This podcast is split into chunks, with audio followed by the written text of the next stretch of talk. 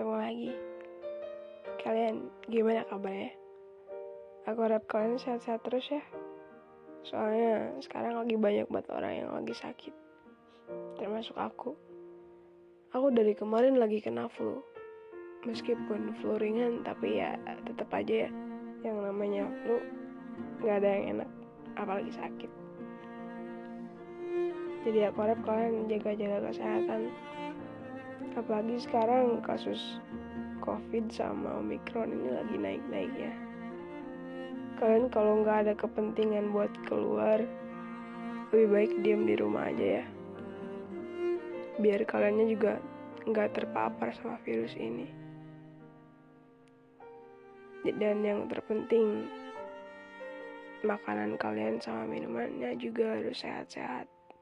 Jangan yang aneh-aneh. Oke. Okay? So, hari ini kita bakal story time. kita bakal dengerin cerita dari seseorang ya. Dia bakal ceritain tentang first love ya. Tentunya aku, kamu, kita pernah punya first love-nya masing-masing. Dan tentunya dengan cerita yang berbeda-beda. Tapi hari ini kita bakal dengerin cerita dari Manda tentang first love-nya. Jadi kita langsung aja ya. Sebut aja dia beruang. Sebenarnya gue sering panggil dia Ber, tapi kata dia bagusan beruang biar kaya. Jadi kita sebutnya beruang aja. Beruang ini bisa dibilang first love gue karena cuman dia cowok yang berhasil bikin gue sayang banget. Gue ketemu beruang di tahun 2019 dan berakhir di 2020 ya kira-kira kita udah putus hampir dua tahun lamanya ya. Dan gue sekarang gak ada niatan untuk pacaran lagi.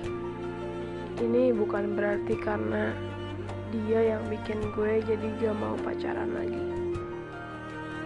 Tapi karena gue udah sadar bahwa semuanya memang akan berakhir awal gue kenal beruang beruang itu nyebelin banget. Dia bisa dibilang mirip beruang kutub karena sikapnya dingin banget. Tapi seiring chat terus sama gue dan ngasih perhatian ke gue dia itu jadi kayak dingin-dingin tapi perhatian gitu loh. Gak masuk akal ya memang. Selain itu dia juga lucu banget Bahkan sebelum dia nembak gue, masa dibilang kayak gini. Kalau gue suka sama lu, lu terima gak? Kalau gue bilang iya, gue malu. Tapi gue kalau bilang enggak, ya gimana ya? Gue nya kan juga suka sama dia. Dan alhasil, dia bilang gini ke gue gue mau nembak lu. Tapi paketan gue mau habis. Jadi nanti ya gue beli dulu paketannya. Dia lucu banget. Beruang dia tipe orang yang gak banyak basa-basi. Perhatian lucu rajin. Dan dia gak pernah mau ngebebanin bebannya itu ke gue. Padahal gue nggak apa-apa banget kalau dia mau cerita tentang masalahnya. Dan ya, seiring berjalannya waktu, dia mulai terbuka sama gue. Dia mulai percaya juga sama gue. Dia bilang, gue beruntung punya lo dia suka bilang kayak gitu Padahal sebenarnya gue yang beruntung punya dia. Tapi kadang gue suka heran juga sama dia. Sebenarnya dia itu ada atau enggak. Tapi rasa sayang gue buat dia itu bener-bener nyata. Enggak, enggak tipu-tipu. Buktinya sampai sekarang gue masih sayang banget sama dia. Tapi kalau buat rasa suka ataupun cinta,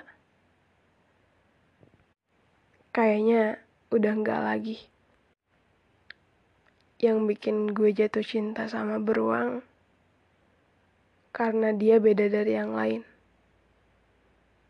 Sebelum atau setelah ketemu sama dia, gue gak pernah nemu cowok yang kayak beruang. Dan di suatu hari, waktu hari anniversary satu tahun kita, waktu itu gue minta putus. Karena gue ngerasa kalau hubungan ini jika dilanjut, gue ataupun dia gak akan berhenti untuk saling menyakiti. Walau secara gak sadar, dia punya problem, tapi gue malah suka bikin dia jadi pusing. Gue gak mau bikin dia jadi tambah sakit gara-gara gue. Gue juga gak mau terus-terusan nunggu-nunggu dia. Yang gue lakuin waktu itu hanya nunggu nunggu dan nunggu tanpa gue tahu gimana kabarnya. Tapi gue sadar, gue mungkin yang egois di sini. Gue suka nuntut dia untuk terus-terusan sama gue. Gue nggak pernah, gue nggak pernah nurut sama dia. Gue suka bikin dia kecewa dan mungkin masih banyak hal lagi. Beruang, maaf. Gue udah hancurin rasa kepercayaan lo. Sejujurnya, gue tipe orang yang susah banget buat suka atau sayang sama orang lain. Tapi dia adalah satu-satunya cowok yang bikin gue jatuh hati. Sampai gue nggak sadar kalau gue udah masuk terlalu dalam. Gila ya. Gue sama dia itu virtual. Tapi entah kenapa bisa banget gitu. Bikin gue gagal move on hampir 2 tahun. Beruang gue kangen. Lu kangen gue juga nggak? Gue mungkin sekarang ini masih sering mikirin lu. Dan gue tahu mungkin sekarang lu udah lupa sama gue dan ya gue juga tahu lu pasti benci banget sama gue karena gue udah bikin lu kecewa waktu itu. Walau gue harap kenyataannya gak gitu. Sampai sekarang gue masih berharap dan gue masih selalu berdoa. Semoga beruang selalu bahagia.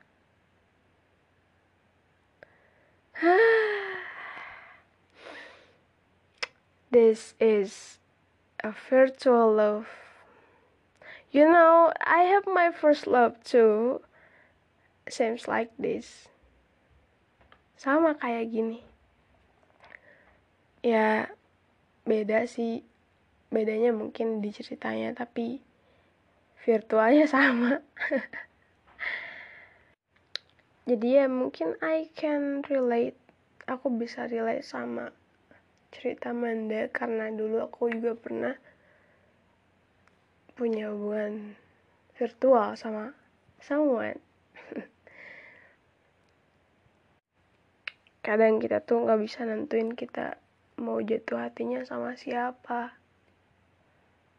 Bahkan kadang kita bisa jatuh cinta dengan orang yang gak diduga-duga yang kita gak bakal tahu bahwa wah akhirnya kita bakal jatuh cinta sama si ini nih. Kita gak akan pernah tahu. Bahkan kita sendiri bisa aja jatuh cinta dengan cara yang sederhana banget.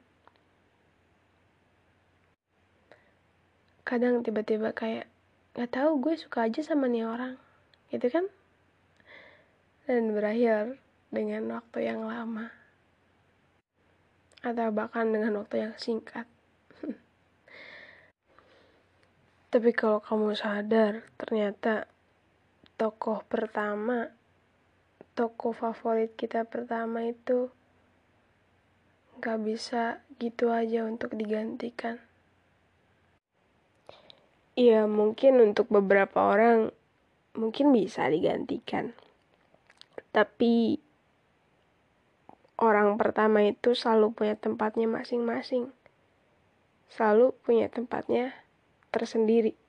Meskipun setelah sama dia kita bakal ketemu sama orang baru tapi dia mempunyai tempatnya sendiri di masa lalu tentunya. Dan anehnya ya dia yang paling kamu ingat karena ya dia orang pertama yang ngajarin kamu bahwa ternyata rasanya gini dicintai sama seseorang itu dan menurut aku virtual love ini cinta virtual ini lebih berat daripada orang yang sering ketemu di setiap harinya karena mereka dipisahin sama jarak yang mereka bahkan nggak tahu bisa ketemunya kapan dan di mana. Satu-satunya hal yang bisa mereka lakuin cuman saling ngabarin lewat media sosial. Dan kadang yang bikin lelah dari virtual itu adalah mereka itu pengen ketemu, tapi gimana caranya? Someday kita tuh sering nuntut hal yang susah untuk dilakuin dalam sebuah virtual virtual love ini butuh perhatian yang memang lebih dari sekedar teks atau satu pesan.